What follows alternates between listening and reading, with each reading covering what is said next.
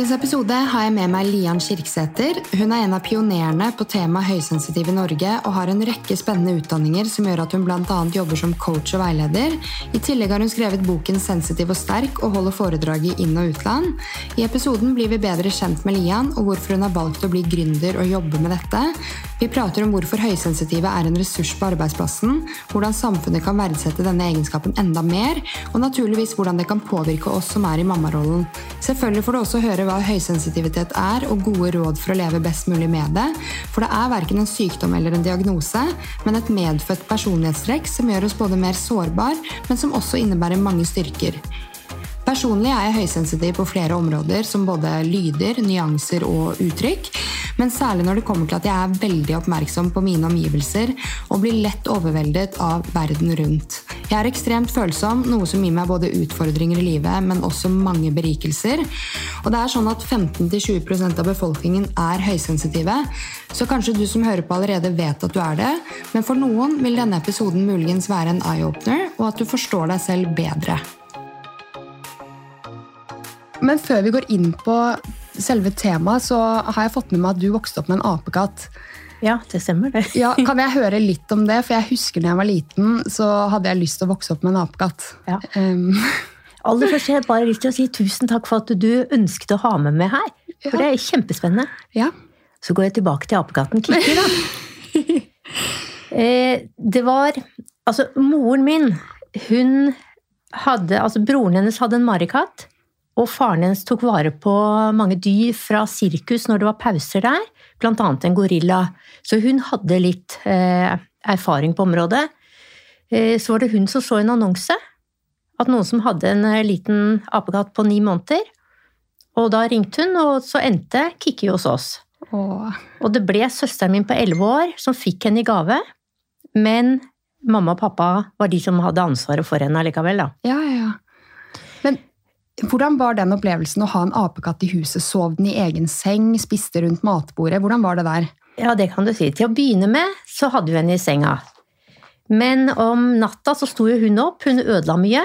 Hun rev av tapeter, gikk bort ved vasken, spiste på leppestifter, spiste på såpe, spiste på det meste. Så det gikk jo ikke så uh, tok vi et bur, stort bur, og så hang vi det opp fordi hun klarte å hoppe av gårde med bur om natten. Ah. Og så hang vi det opp, men det klarte hun å riste så det datt ned.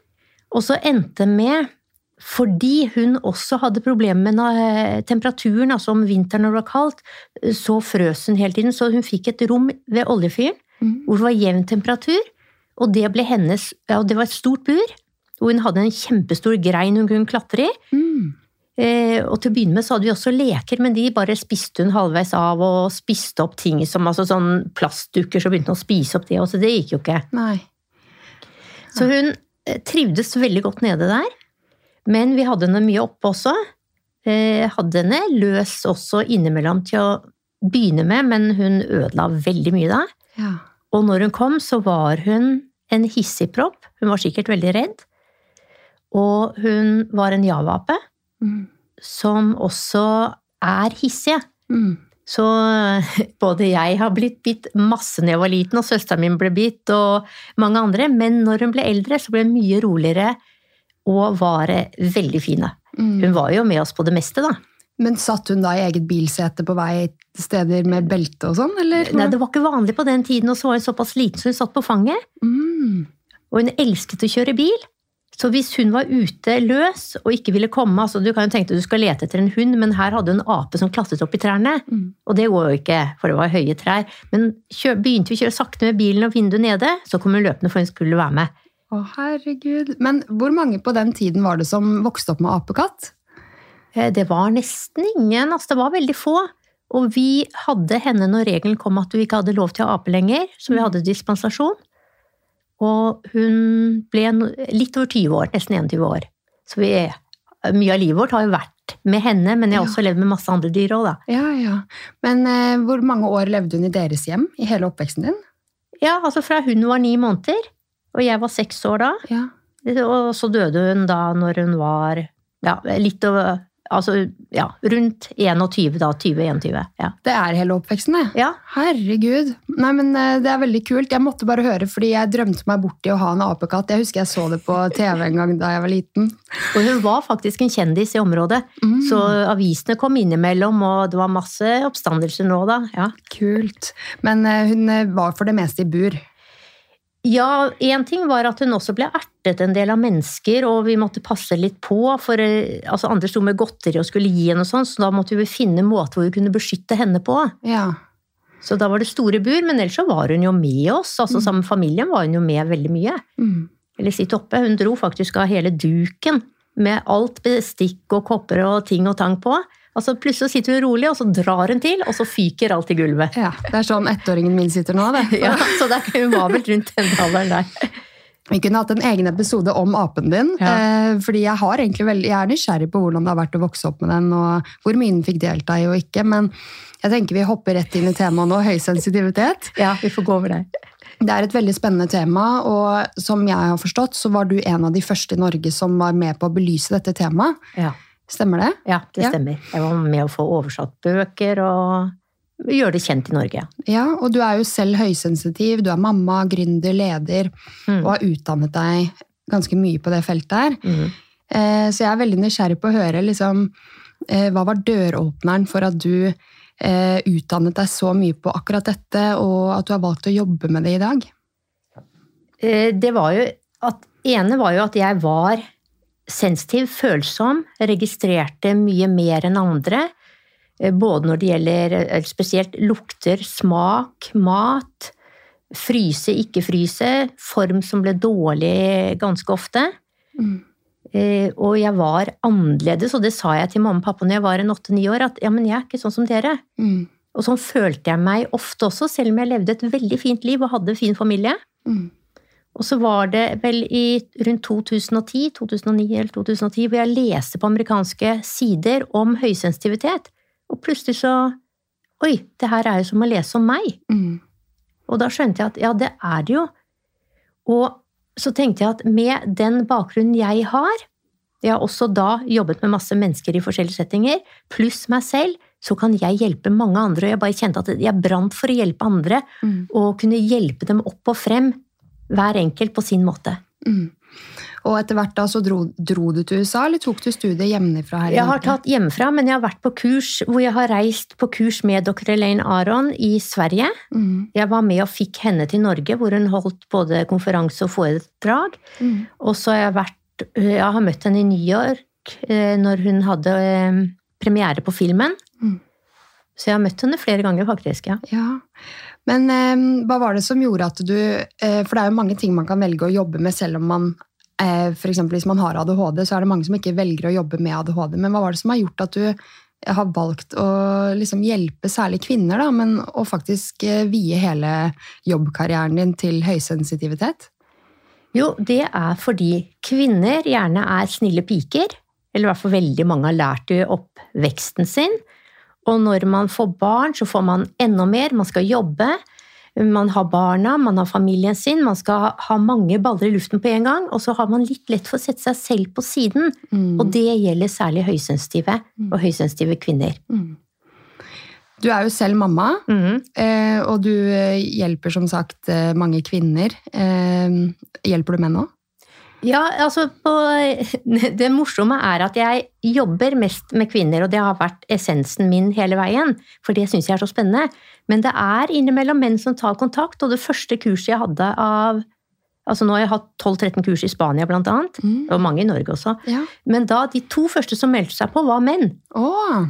Så eh, jeg har tenkt på det, men innerst inne i meg så er det kvinner jeg brenner for. mm. For det er så mange som har så mye å gi. ja. Men så blir de bremset fordi de gir så mye til andre, og så setter man seg selv på siden. Mm. Kjenner meg igjen i mye av det. Eh, Men ja, du er mamma selv og jobber mye med kvinner. Eh, Hvilke erfaringer Hvordan forandret det deg å bli mamma eh, og i tillegg være høysensitiv? Hva er dine opplevelser med det? Det er jo det at som høysensitiv så følte jeg barna mer, og hva deres følelser var. Og det vet jeg går igjen. Så Mm. andre kan hende at nei, nå må du ta deg sammen. Altså, de, de må ha strengere oppvekst, det må være sånn og sånn. Men det er også viktig at du ser hvert enkelt barn der de er. Ja.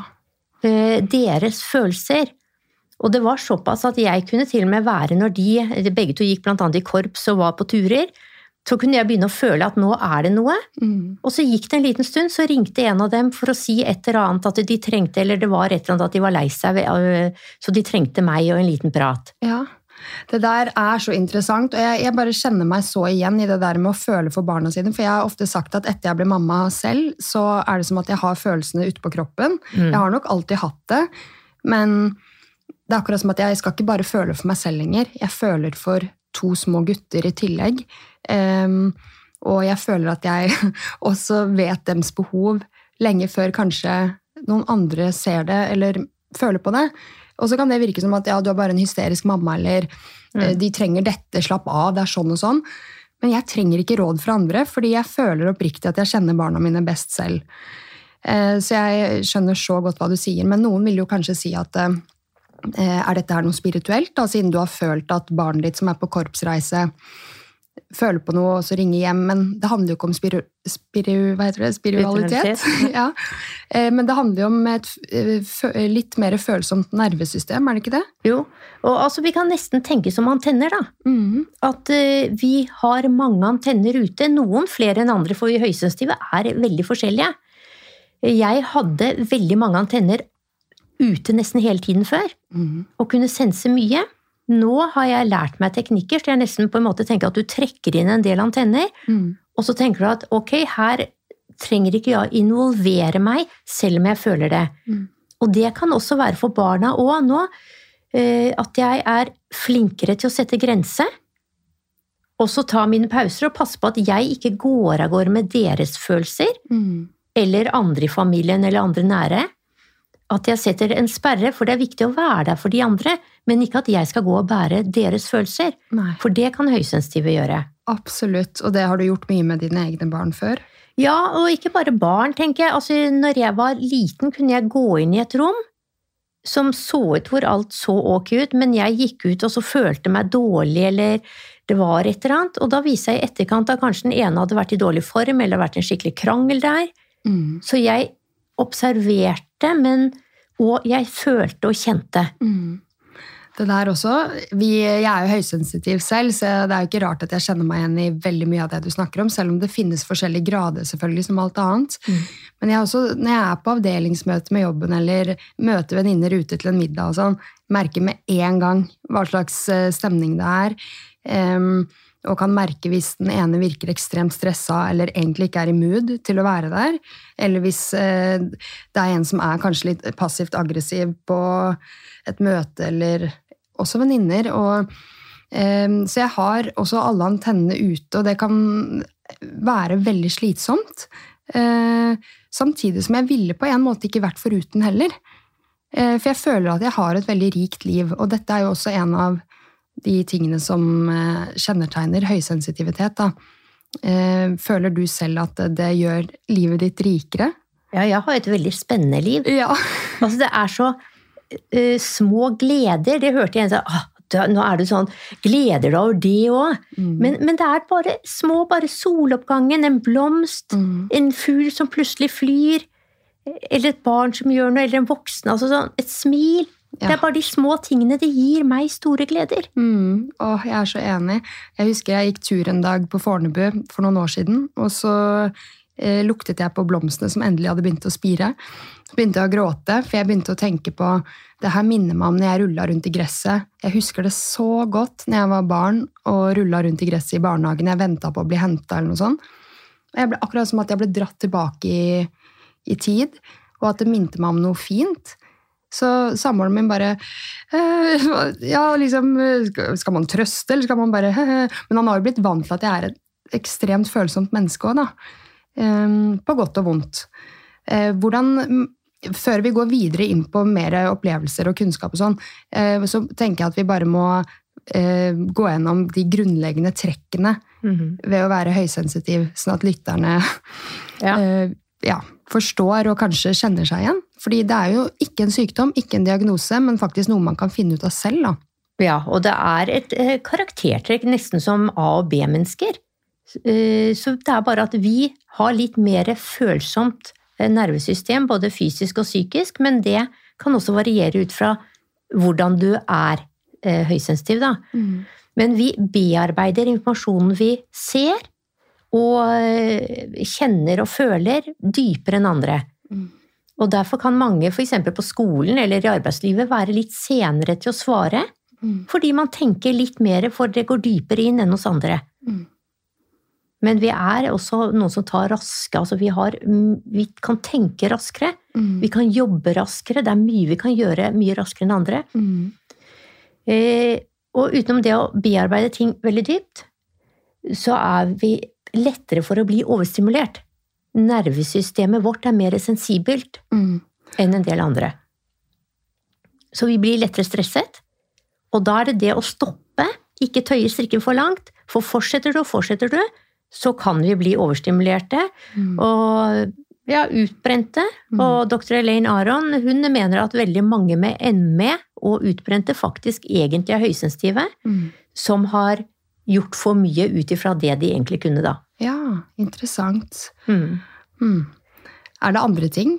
Ja, eh, vi er jo mer følsomme, Ja.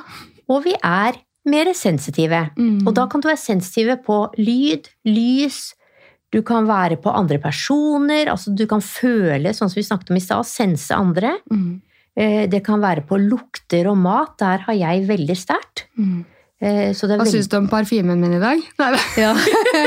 Jeg hadde kjent det ganske fort hvis det var noe sterkt nå, mm. men eh, jeg tåler faktisk en del mer enn det jeg gjorde før. Mm. Jeg fikk en tilbakegang etter koronavaksinen i forhold til mat, det er det eneste, sånn sett, med helsemessig. Men eh, altså der har jeg veldig sterke sensitive sider, da. Mm. Så det er det å finne din sensitive sider, både styrke Mm. og så svakheter. Mm. Så du er obs på ok, her er jeg veldig sensitiv. Altså Går jeg inn et sted hvor det er veldig masse mennesker, jeg vet, vet jeg blir veldig sliten av det, så tilpasser du kanskje hvordan du plasserer deg. Mm. Du er litt bevisst. Du kan sette tiden for deg selv. For er du på en fest, så er det liksom kanskje forventa at du skal være der til langt på natt, og det er mye liv. Eh, Men jeg vet at veldig mange høysensitive syns ikke det er gøy etter hvert når man blir sliten. Nei. Det kan være kjempekoselige mennesker, kan ha det veldig fint, men er man sliten, så er det ikke noe morsomt lenger. Mm. Og jeg har fått faktisk mange telefonsamtaler fra ansatte, medarbeidere, før julebordsesongen. Ah. Eh, også skrevet en artikkel om det av at det er mange som sliter med at å ja, nå er det julebord, og det er forventet, Mm. jeg var ikke i fjor, men jeg bør jo møte, hvordan skal jeg takle det her? Mm. Hva tenker du om det? Fordi sånn som Senest i går var det sommerfest eh, med jobben der hvor jeg holder til. Mm. Eh, og jeg valgte å ikke dra. Um, og jeg pleier egentlig å være med på sånne sosiale ting, for jeg tenker det er viktig for kulturen å bli kjent uh, på tvers av um, de man samarbeider med. Og, men jeg bare hadde ikke lyst og holdt meg hjemme. Uh, tenker du at eh, det er helt uh, greit å droppe å være med på ting? Eh, Det spørs om du dropper alltid å være med på ting. Eh, Man kan planlegge, men hvis du kjenner at kroppen er sliten, så er det bare dumt å putte inn enda mer hvis du vet at det der blir for mye for deg. Da er det bedre å droppe. Så kan du heller være med en annen gang på noe Mm. annet. Mm.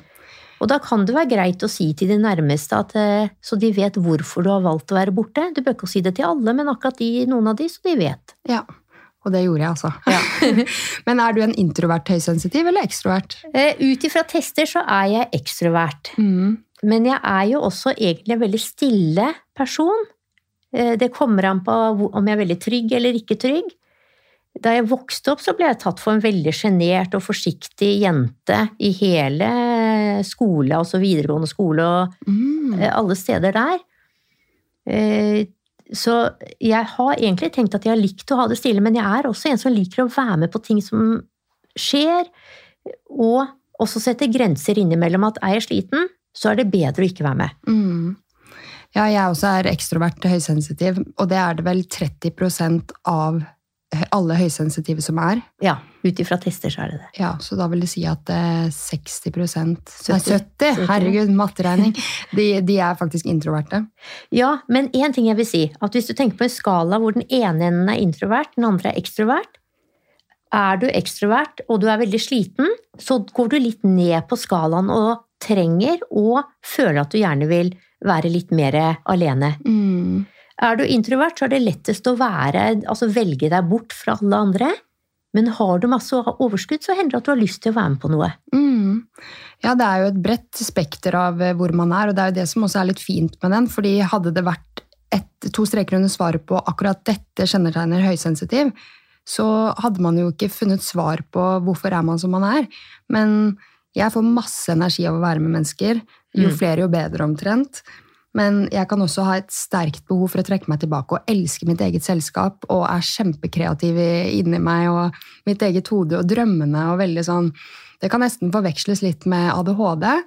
Og så har jeg startet på en utredning for noen år siden, men som jeg har sluttet på. Er det sånn at du møter folk som er litt forvirra over om dette kanskje kan handle om ADHD eller andre ting? Ja, altså det er Er du overstimulert, så er du gjerne gira. Du er litt veldig altså nesten hyper i området, eller innimellom, og høysensitive som er overstimulert, begynner gjerne å multitaske, Mm. stresse mer, Mm. og da kan det gå virke litt ADHD-type på enkelte områder. Men vi er ikke det konstant. Altså når vi er rolige, så er vi rolige. Men det er det å bli bevisst selv, når du begynner å stresse mer og mer, og skjønne at nå er jeg for mye i hodet, Mm. nå må jeg roe ned. Og da kan du roe ned bare sånn korte perioder med bare som å puste, sette deg ned, eh, gå tur, Mm. lese, strikke, altså finne det som gir deg ro, da. Mm. Og det kan variere veldig fra person til person. Ja, absolutt. Hva gir deg ro, da? Og pauser? Ja, det har koblet, altså noe jeg har likt alltid, det er bare den ene koppen med te hvor jeg kan sette meg ned og kose meg med den. Mm. Sitte og se utover fjorden, vi bor ved vannet. Eller gå en liten tur. Mm. Sitte og være kreativ. Altså, jeg elsker bøker og lete opp og lære mer hele tiden. Mm. Det gir meg energi. Mm. Eh, være sammen med mennesker som gir meg noe. Ja, jeg får masse energi av det. Ja, tydelig ekstrovert der. Ja. um, hvordan føler du det påvirker um, uh, arbeidsplassen at eh, man har høysensitive personer? Eller hvordan påvirker det jobben? Det kan påvirke på ulike måter, men høysensitive har masse å tilføre. Eh, Jeg vet ikke om du vet, men jeg er med på et europeisk forskningsprosjekt nå. Jeg vet. Ja, og da jobber vi med, blant annet med arbeidsliv eller karriere og høysensitivitet. Og det er mange myter, og de mytene de er negative. Mm. Det er gjerne at følsomme og sensitive mennesker ikke tåler så mye. Og da har jeg lyst til å bare ta en liten avbrytelse. Første gang jeg skulle ha kurs i Spania, var på senter til Sofie og Erik Hekseberg, legene. Mm.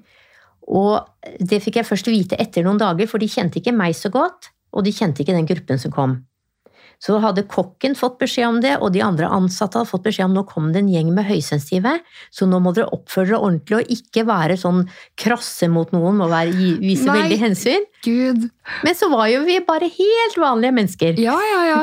ja akkurat som at det, det virker som at det, eh, dere virkelig skilte dere ut sånn som gruppe, da. Ja, men det har det Altså, når jeg begynte med høysensitivitet i Norge, så var det noen som trodde at å ja, det er noe med elallergi, ja. Eller at det er veldig spirituelle mennesker. Mm. Noen høysensitive er veldig spirituelle, men det er ikke alle. Nei. Så vi er forskjellige. Mm. Og ordet følsom, sensitiv, i vestlig verden er ikke så positivt når du tenker arbeidsliv, når du hører det. Det har ikke vært det. Nei. I Østen så har det vært positivt, Mm. og sensitive barn har vært et forbilde. Herregud, hvorfor er det så stor forskjell på det, da? Ja, vi har vel eh, gått mye for idealmenneskene, da. Mm. De tøffe, de sterke, de som alltid står på. Men det kan høysensitive gjøre også bare de får sine små pauser. Ja, ja, ja. Og høysensitive beriker arbeidsplassen veldig. Både med at de tar til seg kunnskap veldig fort. De klarer ofte å jobbe raskere, de er idérike, de er kreative. De samarbeider veldig godt. That's me! Ja, ja det er så bra! Det, Ja, men det er, det er ikke for å liksom skryte, men det er, det er meg. ja, Eh, og det er jo sikkert deg òg. Du snakker om deg selv og eh, generelt også. generelt, ja. ikke sant? Ja. Nei, jeg å, det er så bra du sier dette her, fordi eh, det er jo, jeg er ikke så kjent med begrepet. Det er ganske ferskt for meg. Jeg har jo googlet før hvorfor er jeg sånn som jeg er, på en måte, og prøvd å finne svar. Men det er ganske nylig at jeg fant ut dette med at eh, høysensitiv er et begrep, selv om jeg har lest om det før og vært inne på det. Men eh, eh, jeg føler jo at mange ting, sånn som ADHD, som er en diagnose, da, eller andre ting, kan bli sett på som litt sånn derre ja, litt negativt, men det er derfor det er bra du tar opp det som er bra også. Fordi eh, man er en ressurs på arbeidsplassen. ja, absolutt. Um, jeg har lyst til å si én ting. ja. Eh, altså, vi høysensitive, ut ifra forskning som jeg var med på tidligere med nederlandske Ester Bergsma, da viser det seg at høysensitive er ikke mer syke enn andre. Nei. Nei, det vil jeg faktisk høre med deg om. Eh, Er det lettere som høysensitiv å eh, få depresjoner eller eh, utmattelsessyndrom eller ME? Altså, eller er, er det ikke noe forskning på det? Altså ut ifra eh, Det er helt sikkert noe forskning der. Det, det forskes så mye rundt i verden, men jeg har ikke akkurat eh, helt på den. Men vi er jo mer sensitive. Mm. Og vi er flinkere til å stå på, gjerne. Gir oss ikke så lett. Og så er det å finne den grensen din. Du kan godt stå på mye, bare du tar dine pauser, og det kan være korte pauser i løpet av arbeidsdagen. Mm. Du kan bare gå en liten tur, eller gå på et rom alene, eller gå og drikke et glass vann, og bare puste, være litt alene. Mm. Eh, Så det er så små ting som kan bygge deg, pluss at man passer på å ikke ta med seg jobben hjem, hvis ikke det er nødvendig noen ganger, men også sette en grense. Mm. Nå kom jeg på en ting, at eh, Da jeg jobbet på sykehjem i fem år, det var en eh, jobb jeg elsket, Mm. men sånn verdi ut ifra mine viktige verdier, grunnleggende verdier, så krasjet det veldig med at jeg så for meg en fremtid på et sykehjem Mm. og jobbe med det, med eldre mennesker, selv om jeg har et hjerte for gamle mennesker. Mm. Eh, og det også har jeg skjønt er en, eh, noe som kan trigge høysensitive veldig. At hvis noe krasjer med egne verdier, så blir det veldig Da blir vi veldig påvirket av det, da. Ja, da blir det vanskelig for oss å jobbe med det. Mm. For vi har så sterke verdigrunnlag. altså De er forskjellige. Noen er kanskje mot mennesker, andre mot dyr, planter, ulike retninger. Men det kan bety så veldig mye å være så viktig. Mm. Og, hvis du ser, og det er jo gjerne med hvordan det er et stressamfunn, hvor det er litt mer krav, eller blir stadig mye krav og strengere. Og kanskje på et pleiehjem eller eh, lignende, så får du ikke tid til å gjøre alt det du gjerne skulle gjort med den Mm. personen. Mm. Og jeg prioriterte veldig mye kommunikasjon. Altså, de fikk gode stell, jeg likte å, liksom, at de så freshe ut til frokosten. De kom ikke ut som troll, liksom. Um, brukte mye tid på at velvære da, og Mm. kommunikasjon. Og jeg husker når jeg var ny der, så var de sånn 'Hvor er Tina?' Har dere sett Tina? For jeg var på opplæring. Nei, Hun sitter inne på rom 101 og prater. Prate, det skyllerommet må jo tas, ikke sant? Mm. Og jeg fikk til alt det andre viktige som er å ha kjøkkenet rent og kaste søpla og alt det der. Men det virka som at det, det var en kultur for at eh, skyllerommet må tas nå. Og um, søpla må kastes nå. Og så er det sånn Men vi er bare på jobb i syv timer. Vi må kunne kommunisere òg. Mm. Prate med pasienten. Det er jo det de setter pris på. Så for min del så ble det en veldig krasj. Og i tillegg jobbe med mennesker som ikke hadde hjerte for eldre mennesker. Det var i hvert fall en krasj. Ja. Eh, Jeg trenger å jobbe med mennesker som har i hvert fall eh, Man trenger ikke å se likt på alt, men i hvert fall det grunnleggende som er omsorg og eh, kommunikasjon. da. Og vi har det naturlig, de fleste av oss, altså tillitsskapende bare med å være den vi er, i møte med andre. Mm.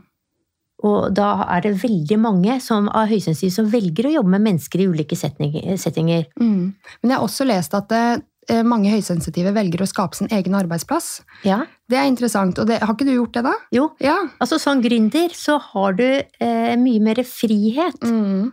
eh, til å jobbe på den måten som passer deg.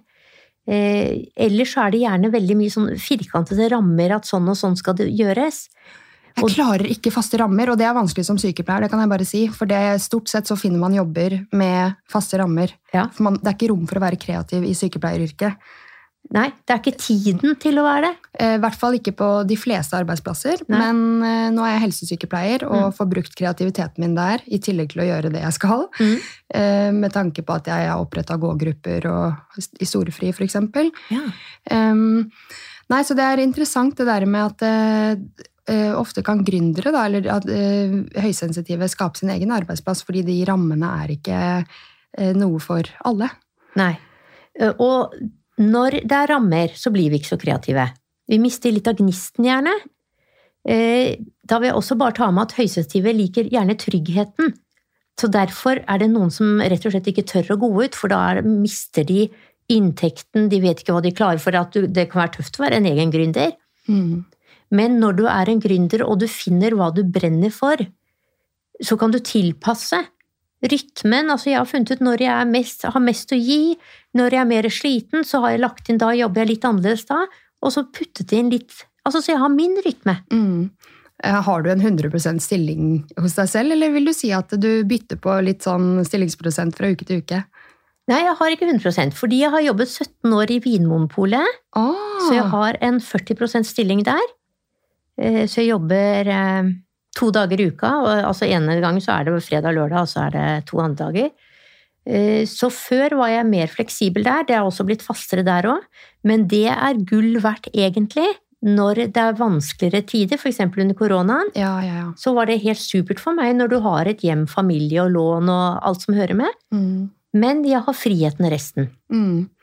Jeg backer deg skikkelig på den, for jeg tok et valg over nyttår nå hvor jeg gikk ned til 60% stilling. Mm. eh, På eh, tre dager i uka på ungdomsskole og to dager frihet til å spille inn podkast eller bare bruke tiden på meg selv, eller kanskje levere litt sent hvis det passer i barnehage. Og jeg elsker det. Eh, For jeg jobber ikke for å Eller jeg jobber for å leve, jeg lever ikke for å jobbe. Samtidig som at hvis jobben hadde vært selvstyrt, sånn som deg, da, at du har starta for deg selv, så finner man en balanse der til å noen dager kanskje bare jobbe tolv timer, hvor man er skikkelig på, Mm. og så trenger man kanskje to effektive timer dagen etter, men tur i skogen, på en måte. Ja, men det, der legger jeg litt opp at nå vet jeg for eksempel, jeg har hatt et veldig tøft løp. Altså vi holder på med eh, skrive bok. Sofie Heksberg jeg, lege. Oi, Så den kommer til høsten. Det er med histaminintoleranse. Ah, Og sånn som mange sensitive har jo matintoleranser på ulike områder, så det er nok flere som kommer innenfor den delen nå. Mm. Så da er det et løp, for nå er det innspurten der. Og så er jeg med på det europeiske prosjektet. Og så jobber jeg med mine kunder. Eh, så det er mange ting, men jeg bare passer på å legge plan Ja. Som passer for meg. Mm. Kan Selv om, ja, jeg har ikke hørt eh, hva slags utdannelser eh, du har. Du har jo en del, men med tanke på at du skriver, skal skrive bok med henne og eh, veileder og coacher, altså, hva, hvilken utdannelse har du for de som syns at eh, yrket ditt høres interessant ut? da? altså jeg har eh, gått mange retninger, så jeg har også litt innen markedsføring. Eh, Jeg er utdannet coach, DNCF-coach, altså norsk eh, coach, og ICF, internasjonal. Mhm. Både business og vanlig coach og helsecoach, så det er tatt i tur og orden. Mhm. Og så har jeg jo NLP-bakgrunn, eh, er master der.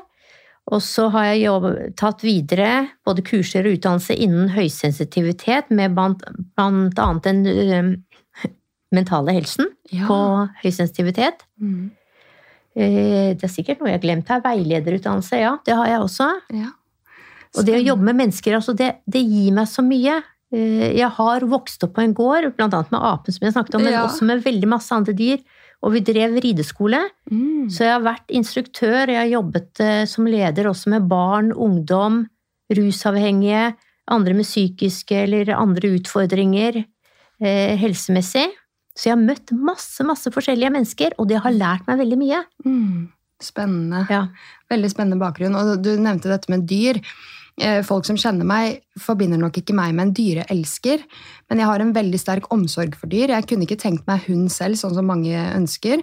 For jeg blir gal av bjeffing. Altså, jeg blir virkelig eh, kjempegal av det. Og hunder som hopper på meg hvis jeg er ute og løper og sånn. Mm. Kan bli skikkelig dårlig humør. Men jeg husker jeg så Griseindustriens hemmeligheter. Har du sett den? Ja, jeg har sett noe av det. Ja. Og den var med meg i over en uke. Jeg husker dette var i pandemien, jeg jobba på koronateststasjon. Mm. Og jeg snakket om den dokumentaren hver dag i sikkert åtte dager. Mm. Eh, og jeg merket at når jeg møtte den derre Ja, men jeg har vokst opp på gård, så jeg er vant til å se slakt og det der. Og jeg var bare sånn Hæ? Altså, reagerer folk så dårlig eller eh, annerledes enn meg på det? Jeg gråt så mye den uka over grisene som ble vist i den dokumentaren. Og jeg, jeg tenkte på det dag og natt, altså. Det var helt ekstremt. Ja, men det skjønner jeg godt, for det er forferdelig. Men det er heldigvis ikke alle steder det er sånn. Det er veldig mange steder det ikke er sånn.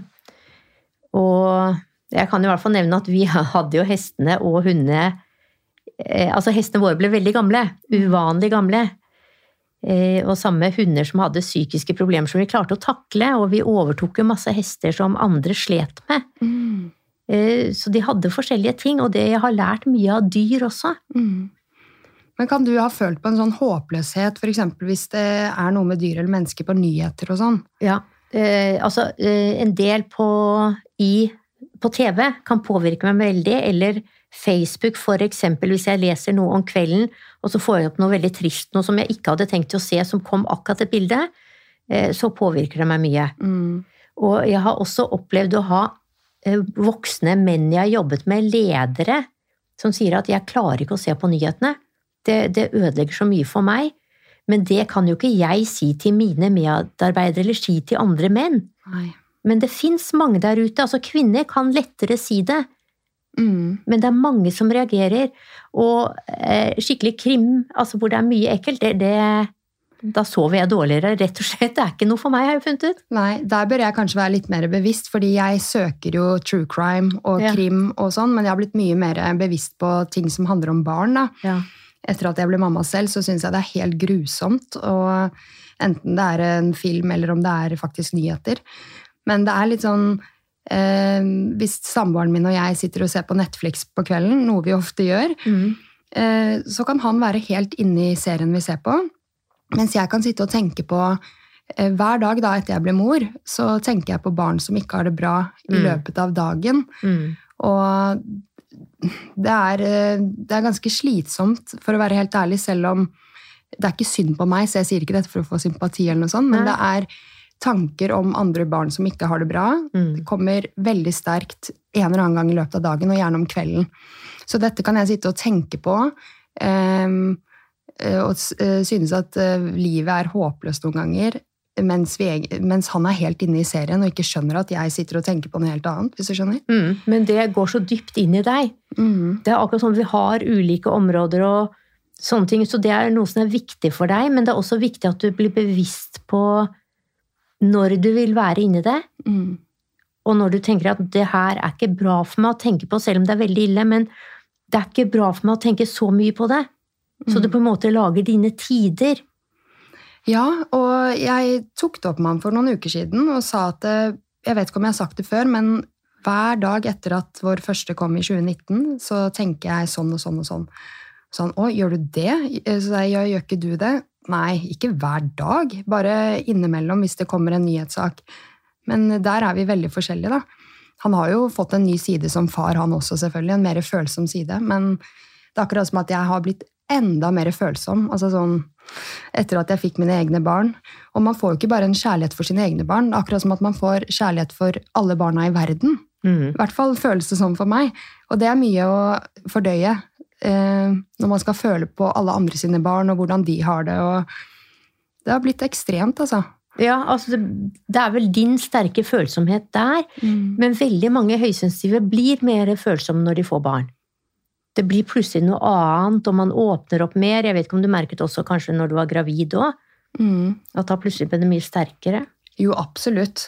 Um, men jeg lurer på sånn i forhold til å være åpne med andre mennesker. Uh, for jeg er en veldig åpen person. Mm. Jeg kan liksom gå rett i dybden med en person jeg møter for første gang. Mm. Er det noe du kjenner deg igjen i? Det er lett å være åpen. Ja, det er lett og det, og en ting som er lett for oss høysensitive, og som jeg har gjort gang på gang, det er at det er ting jeg ikke har tenkt å si, og så plutselig så er det ute. Ja. Og det, og det er Altså, vi, vi er sånn. Når vi er i tankene, og så plutselig så sier vi det, selv om vi 'Å nei, det skulle ikke jeg sagt', eller snakket noe om 'Det følte jeg ikke var riktig nå'. Men så kom ordene før jeg rakk å tenke over det. Mm. Tenker du det er en styrke, eller kunne du ønske at det var annerledes? Det er en styrke på mange områder, men andre ganger så tenker jeg at eh, jeg Og det har jeg også trent meg opp på flere områder, at jeg puster litt først. Og bare ok, er det greit for meg at jeg sier det? Mm. Så jeg er bare på bevisst på at ok, ja, nå kan jeg sende det ut. Mm.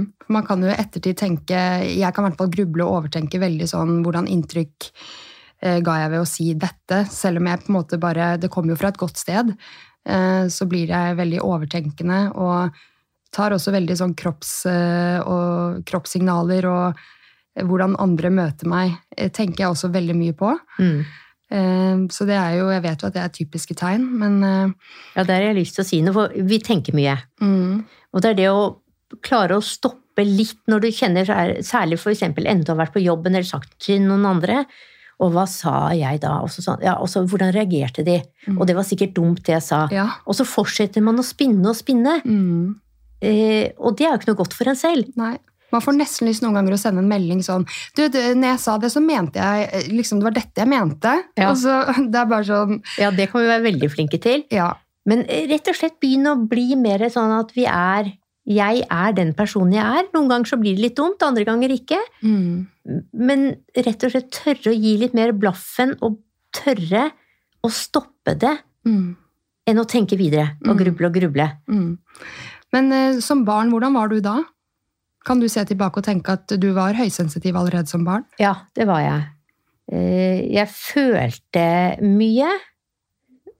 Og jeg følte ting som andre ikke forsto. I hvert fall ikke den gangen. Og altså Et eksempel var jo jeg også gikk jo i korps da. Mm, -hmm. Så var vi på korpstur. Og så senere fikk vi se på den filmen, det var vel et år senere eller noe. Og nesten hver gang kameraet kom på meg og jeg sto med ryggen til, Mm. så snur jeg meg nesten med en gang. Oi. Så jeg visste at det var noe på meg eller noe som fulgte med meg Ja. uten at noen sa det. Ah, da har du catcha Eller underbevisstheten din har catchet at før du på en måte det har skjedd, da? Ja, Før Ja. jeg visste om det, og de andre altså det, de, det ble latter av det til slutt når Ja, alle satt og så på det, fordi de, de gikk igjen flere ganger. Ja. Men sånn empati, da? Ja, det har jeg veldig mye av, og har hatt kanskje for mye. Mm. Så der er jeg blitt veldig bevisst på at innimellom så må jeg stoppe. Når jeg begynte med coaching, nyutdannet, så var det jo mange som ringte meg, særlig om kvelden, og begynte å snakke og snakke og bare la ut om sine ting, og jeg hørte og hørte og prøvde å snu om. Mm. Men da lærte jeg at jeg kan ikke ta meg av alle, og så må jeg være mer bevisst på eh, Og nå kan jeg også stoppe de på en fin måte, da. Mm. Jeg husker eh, Jeg har et skikkelig sterkt minne fra vi var på danskebåten og fikk lov å komme opp der hvor han eh, Hva heter de som kjører danskebåten? Kapteinen og det. Ja, fikk lov å være inni der. Eh, Jeg tror vi kjente en, en gammel nabo som kjørte danskebåten. Jeg tror det var sånn det var. Og jeg, det er ingen kobling til hvorfor jeg begynte å tenke skikkelig mye på dette. og Jeg var veldig liten, men jeg husker det veldig godt. At av en eller annen grunn på den danskebåtenturen så så jeg veldig mye på pappa og hadde så mye smerte rundt at faren hans var død. Mm. Eh, og det har liksom satt seg som eh, lim på hjernen min at eh, jeg var på gråten hele den danskebåtenturen. Eh, og så ung, men likevel sørget over at pappa hadde mistet sin pappa. Mm. Og dette her skjedde lenge før jeg ble født, så jeg hadde ikke noe forhold til min farfar. Nei. Men det var noe jeg ikke turte å si. Og han vet ikke i dag heller at jeg den dagen eh, gikk og hadde så mye smerte på hans vegne. Eh, og det der er, Jeg har flere eksempler på det uten å gå for mye inn på det. Men eh, så når jeg ser tilbake på barndommen min, så hadde jeg veldig mye sånn Kunne føle veldig for eh, narkomane på gata. Eller Mm. mine egne foreldre. Eh, Mm. eller mennesker rundt meg, hva de hadde måttet være igjennom. Jeg, akkurat som at jeg forsto at dødsfallet er veldig alvorlig, han skal aldri få se faren sin igjen. Enorm tristhet på hans vegne, liksom. Mm. Ja, men det er mange av oss som føler altså på ulike områder, da. Mm. Så kan du gå med sorgen til en annen som de kanskje har den dagen eller har hatt. Mm. Eh, og da er det også at vi bare finner ut om det er min egen, Mm. eller er det noen andres. Og det kan være sånn trening om kvelden. Å tenke på at nå gir jeg slipp på alle andres energier. Mm. Og nå beholder jeg bare min. Ja. Og bare si det høyt til seg selv. Mm. Det husker jeg også fra sykehjemmet. skjønner du, at eh, Når folk døde Jeg har jo vært med på masse dødsfall og morsstell og alt mulig. Mm, og det, de fleste var sånn eh, Det er en tid for alt. Gamle mennesker dør. Sånn er det. Mens jeg syns det var like trist hver gang noen Ja. gikk bort.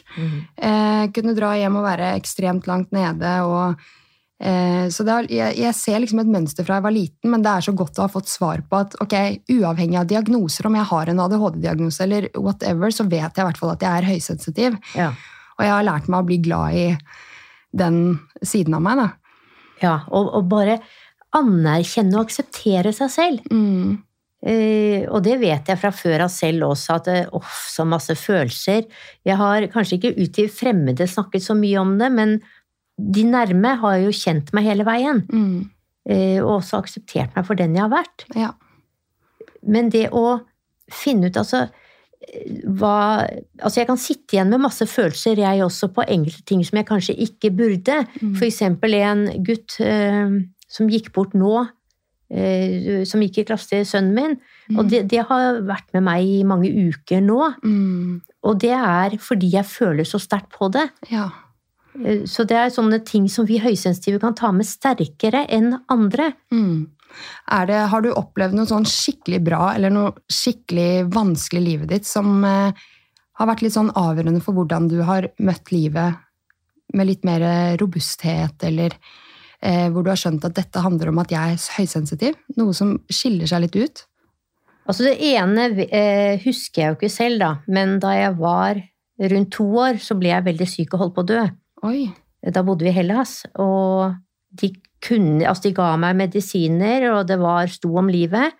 Og mamma og pappa ble så redde fordi de ingen kunne engelsk der. Og etter hvert så turte de ikke å ha meg på sykehus lenger, så de tok meg med hjem. Altså sykehuset var helt annerledes enn den gangen, da. Eh, Men da sto det om livet. Mm. Og jeg tror noe av det sitter igjen i meg, fordi jeg ble Altså, jeg var alene på sykehuset, for du hadde, fikk ikke ha med foreldrene på den tiden. Og der så satt det gråtekoner, svartkledde gamle damer ved sengen min og gråt, for jeg skulle jo kanskje dø. Mm. Og det tror jeg sitter godt i og har vært med meg oh. i underbevisstheten hele livet, da. Ja, ja. Herregud. Det, det har jeg ikke hørt i noen podcast-episoder tidligere eller lest om, men eh, takk for at du delte. Eh, har du opplevd noe skikkelig fint da, som har vært sånn eh, Hvor du har kjent en sånn sterk sånn At du nesten er høy på livet, skjønner du hva jeg mener? Ja, men altså, Det syns jeg har opplevd ganske mange ganger på Ja. en måte. Jeg er så, plutselig så kommer jeg inn i Altså at jeg får muligheter mm. som jeg ikke trodde var mulig engang. Eh, altså Dr. Elaine Aron, som er liksom den som har forsket mest på høysensitivitet i utgangspunktet, da, og startet mye med det. Eh, Det var andre før enn nå, men hun som har gjort det mest kjent.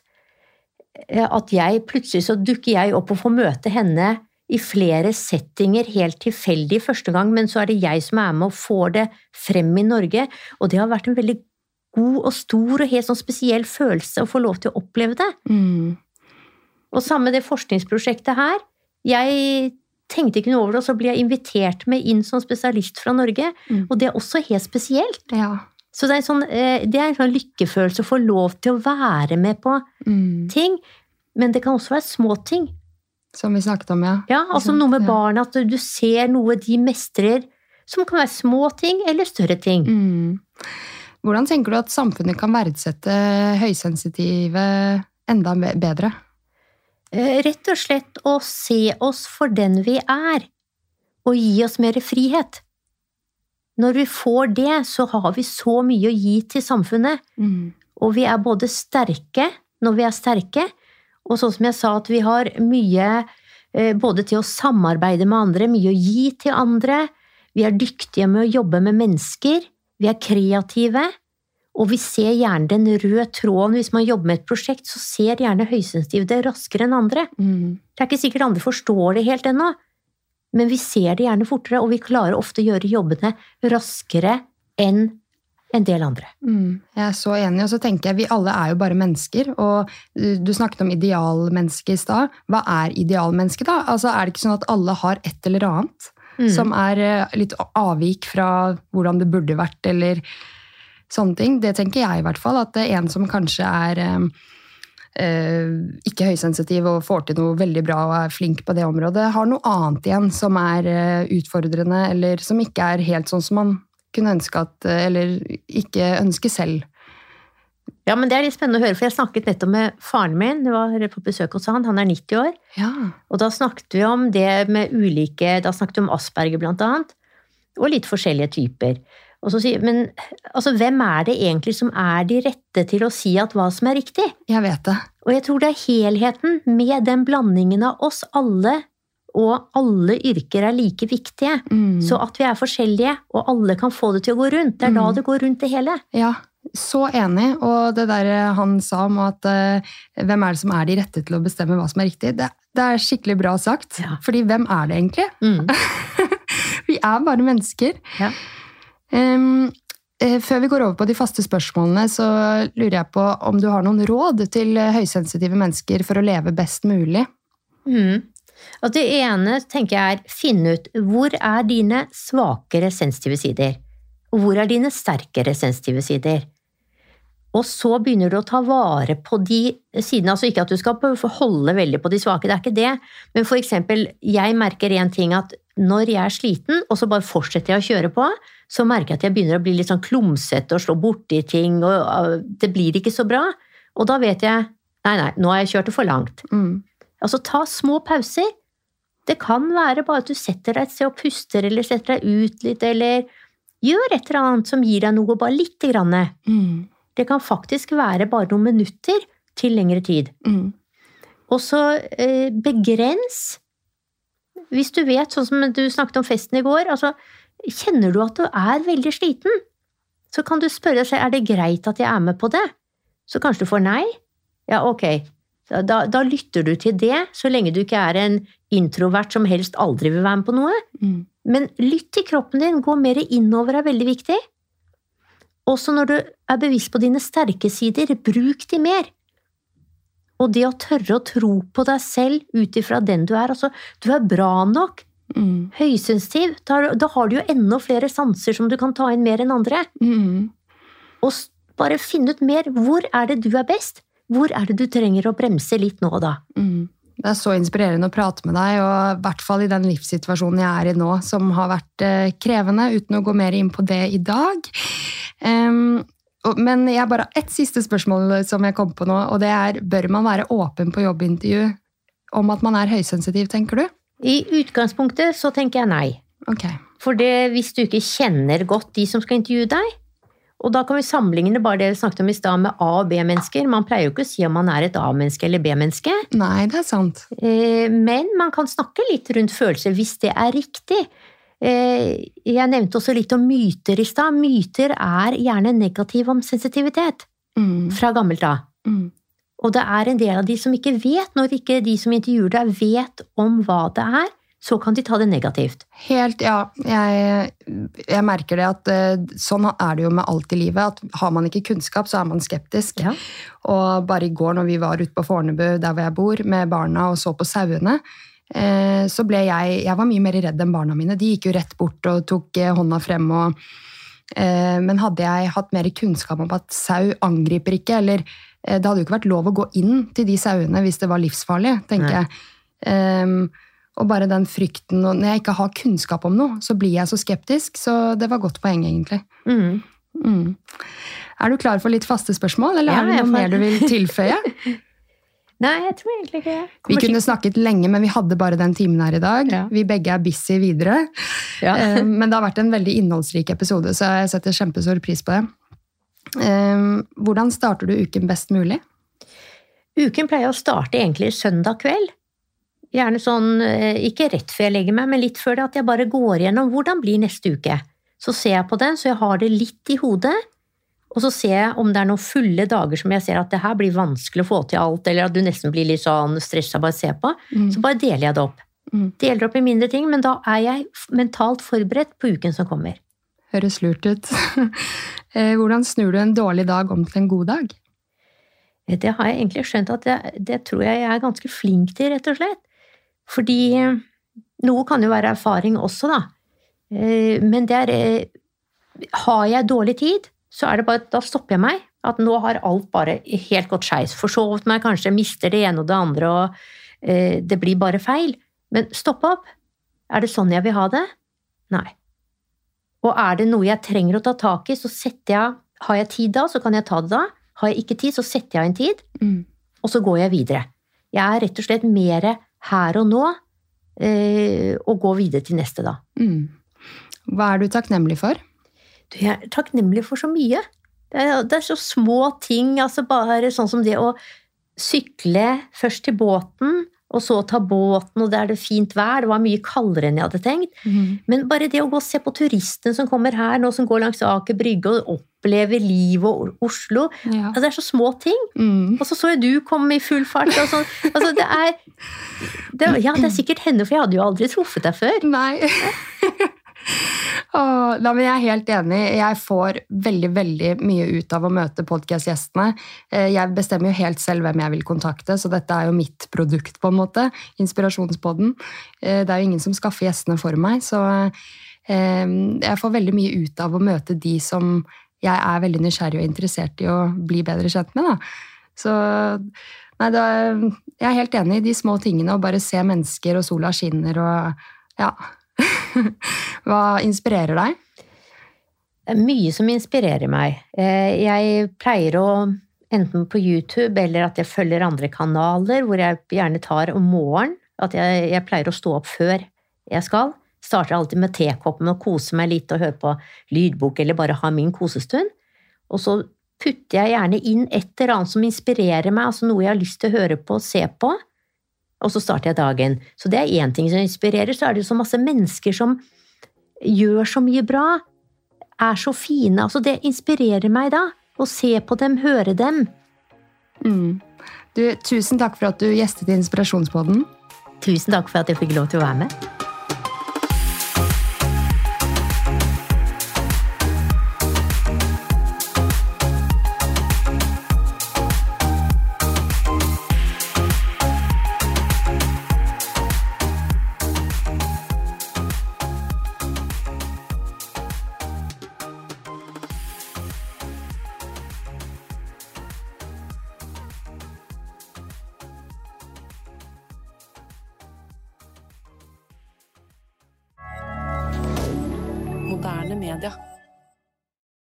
Har du et enkeltpersonforetak eller en liten bedrift? Da er du sikkert lei av å høre meg snakke om hvor enkelt det er med kvitteringer og bilag i fiken, så vi eh, gir oss her, vi. Fordi vi liker enkelt. Fiken superenkelt regnskap.